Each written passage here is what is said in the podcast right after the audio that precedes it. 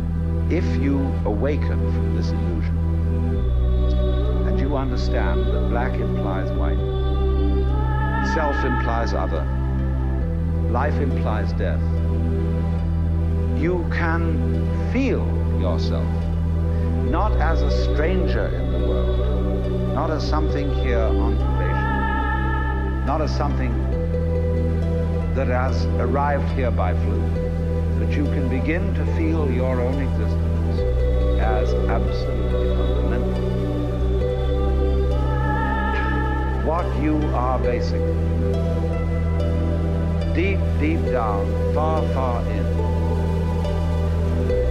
is simply the fabric and structure of existence